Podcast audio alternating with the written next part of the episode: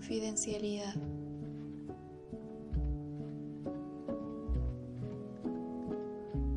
Eran solo él y ella. Eran lo que siempre habían querido, aquello que jamás habían contado. Eran todo en tan poco, pero no se confiaban, pues sabían que el amor es una promesa diaria.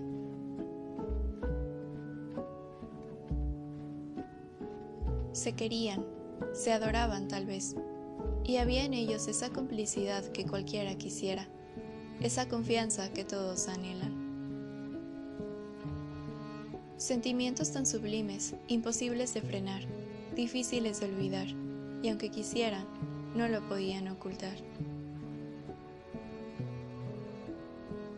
Una mezcla de colores y matices que conquistaba a cualquiera, pero solo pocos se atreven a conocerla. Tal vez no había títulos, pero ¿quién los necesitaba? Hay quienes presumen un título y se lastiman el alma. Solo eran él y ella. No necesitaban más. No pedían más.